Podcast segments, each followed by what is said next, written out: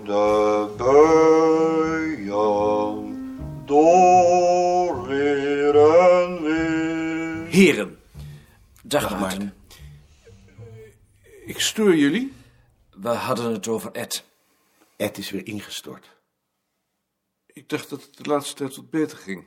Eh, dat dachten wij ook. Waar is hij nu? Weer in Sandpoort een lijdensweg met die jongen. Eve, kun jij daar niets aan doen? Ik heb het wel geprobeerd. Maar het lukt niet.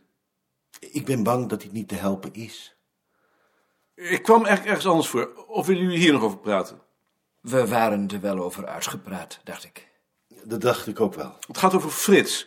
Eh, zal ik dan maar even weggaan? Nee, het is eigenlijk wel goed als je erbij blijft. Dan zal ik ook maar even gaan zitten. Ja, ik heb eh, Frits in het tijd bij Rie gezet, omdat ze op eenzelfde onderzoek zitten en omdat ik dacht dat ze elkaar zouden kunnen helpen. Dat blijkt een illusie. Daar was ik al bang voor. Ik denk niet dat er iemand is met wie Rie het lang uithoudt. Oh, hoe verklaar je dat?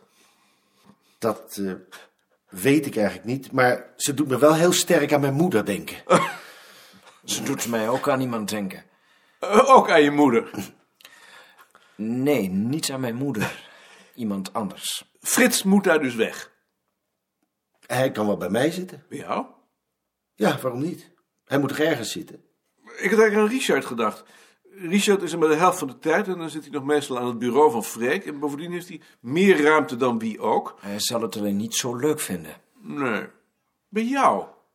Richard mag ook wel bij mij zitten, als je dat beter vindt. Maar waarom zouden ze niet samen op een kamer kunnen zitten? Er is trouwens nog iets anders.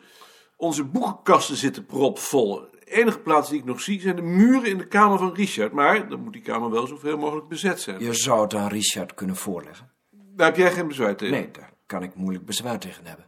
Maar eventueel kan hij dus ook bij jou. Ja hoor. En die boekenkasten? Die zou ik daar in ieder geval maar plaatsen. Dan zou ik eens met Richard gaan praten. Dank jullie wel.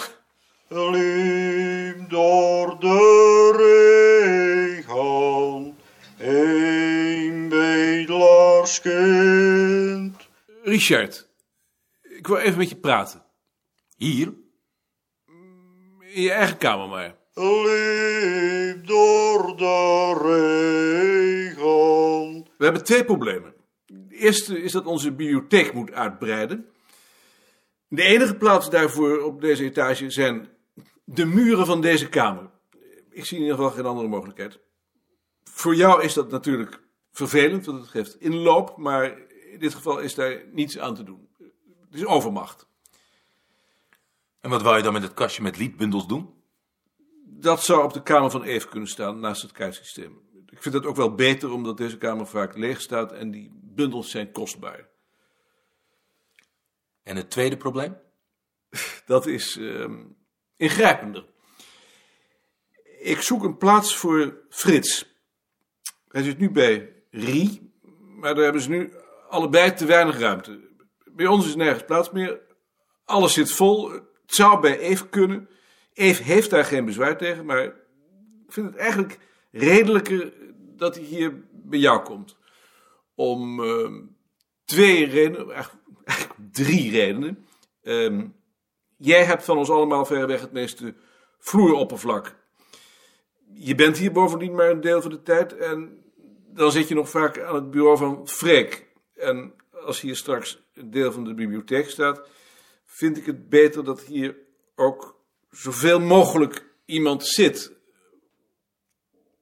Wat denk je daarvan? Dan ga ik liever bij Eve zitten.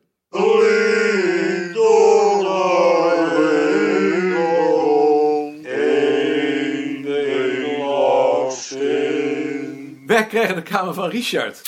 Jij krijgt toch ook alles voor elkaar, hè? En waar gaat Richard dan naartoe? Richard gaat naar Eve. Bovendien kunnen we daar nu boekenkasten plaatsen, zodat we van dat probleem voorlopig ook verlost zijn. En waarom vonden ze dat nou ineens goed? Weet ik niet. Ik denk door Eve.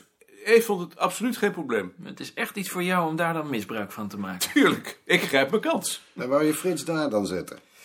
Ik denk erover om Sien daar te zetten. Sien is hier het langst.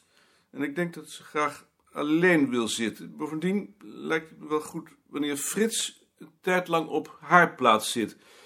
Dan kan hij de bezoekers doen en dat ontlast Gert weer. En dan integreert hij sneller in de afdeling.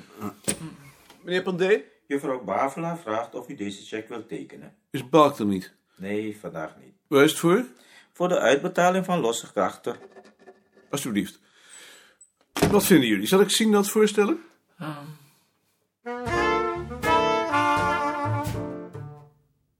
Ik heb de heer Bosman verzocht om bij deze vergadering van de instituutsraad aanwezig te zijn. Zou u de deur even willen dichtdoen, meneer Zandgrond? Dank u. De heer Bosman is meer dan wie ook op de hoogte van de opvattingen op het departement over het te voeren bezuinigingsbeleid. Wij mogen ons gelukkig prijzen dat we een goede relatie met hem hebben en het leek mij nuttig om daar in de huidige omstandigheden gebruik van te maken.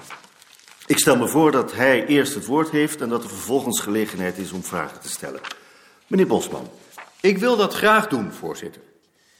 Ik stel me voor dat ik eerst in het kort aangeef hoe het departement organisatorisch in elkaar steekt en welke plaats daarin de hoofddirectie wetenschapsbeleid inneemt, waarvan mijn persoontje deel uitmaakt.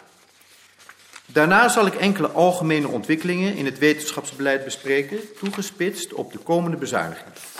Om dan tenslotte tot de vraag te komen hoe groot de kansen zijn dat het AP Beerta Instituut wordt opgeheven. Aan het hoofd van het departement staat de minister. En onmiddellijk daaronder de secretaris-generaal. Vandaar loopt dan een lijn naar onderwijs en een lijn naar onderzoek. Ik zal me nu verder beperken tot het laatste.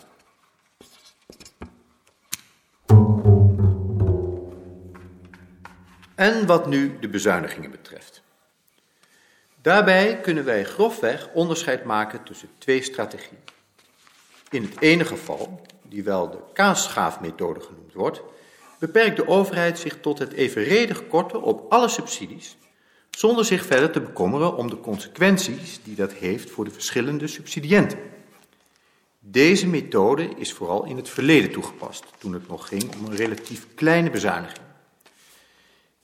In het andere geval bezuinigt de overheid selectief door het meten van het effect van de door haar verleende subsidies en het stellen van prioriteiten. Dit veronderstelt een sterker accent op de verslaglegging en de verantwoording van de besteden gelden door de instituten. En een grotere aandacht voor de door hen ontwikkelde toekomstvisie en de maatschappelijke relevantie van het betreffende onderzoek.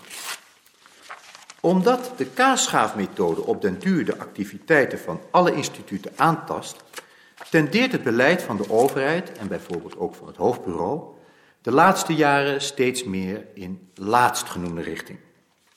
De gedachte die daarachter zit is dat het beter is één of een aantal instituten op te heffen dan de doelmatigheid van alle instituten te ondermijnen.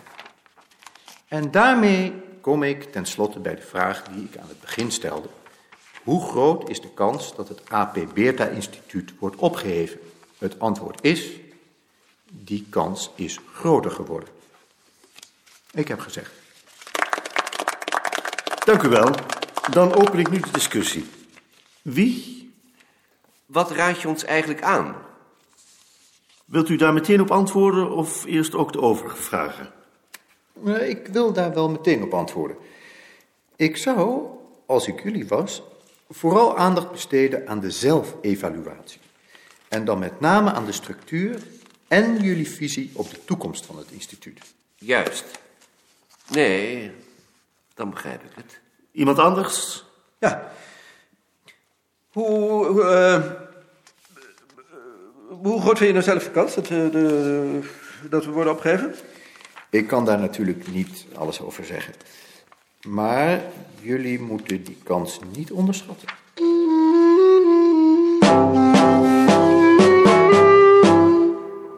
Dag Anton.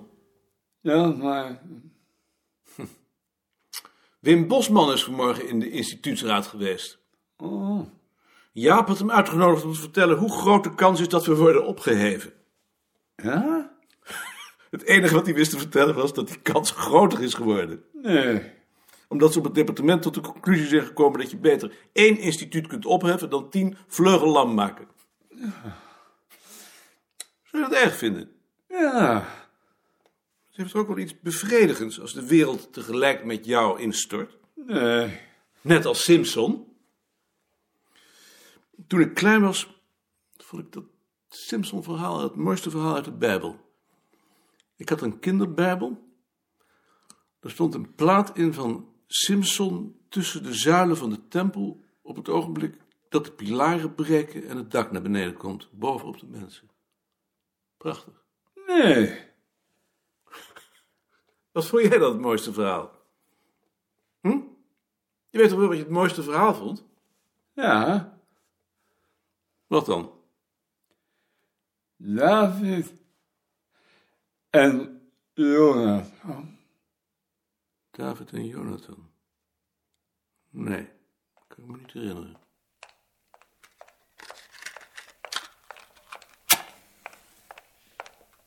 Hoe gaat het met de blauwe? Hoe? Ik heb hem de laatste tijd niet meer gezien. Nee. Maar hij komt nog wel? Ja.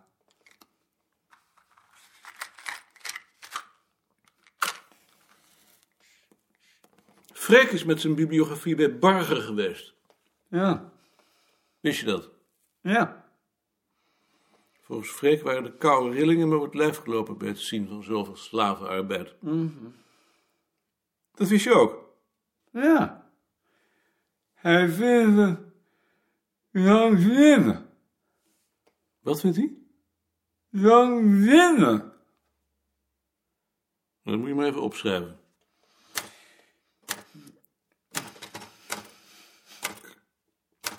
Ja, krankzinnig. Ja, dat eh, is een probleem. Hij moet het zo niet doen. Ik had de indruk dat hij dat ook wel inziet. Hij moet naar buiten luisteren. Ja, tuurlijk. Buiten is een rappe man. Jawel. Hij heeft de beste bedoel- bedoelingen. Ik kan geen touwen vastknopen. Schrijf dat ook maar eens op. Hij heeft de beste bedoelingen. Ja. Ja, dat eh, geloof ik wel. Je praat slecht vandaag. Ben je moe? Zal ik een borrel voor je inschenken? Want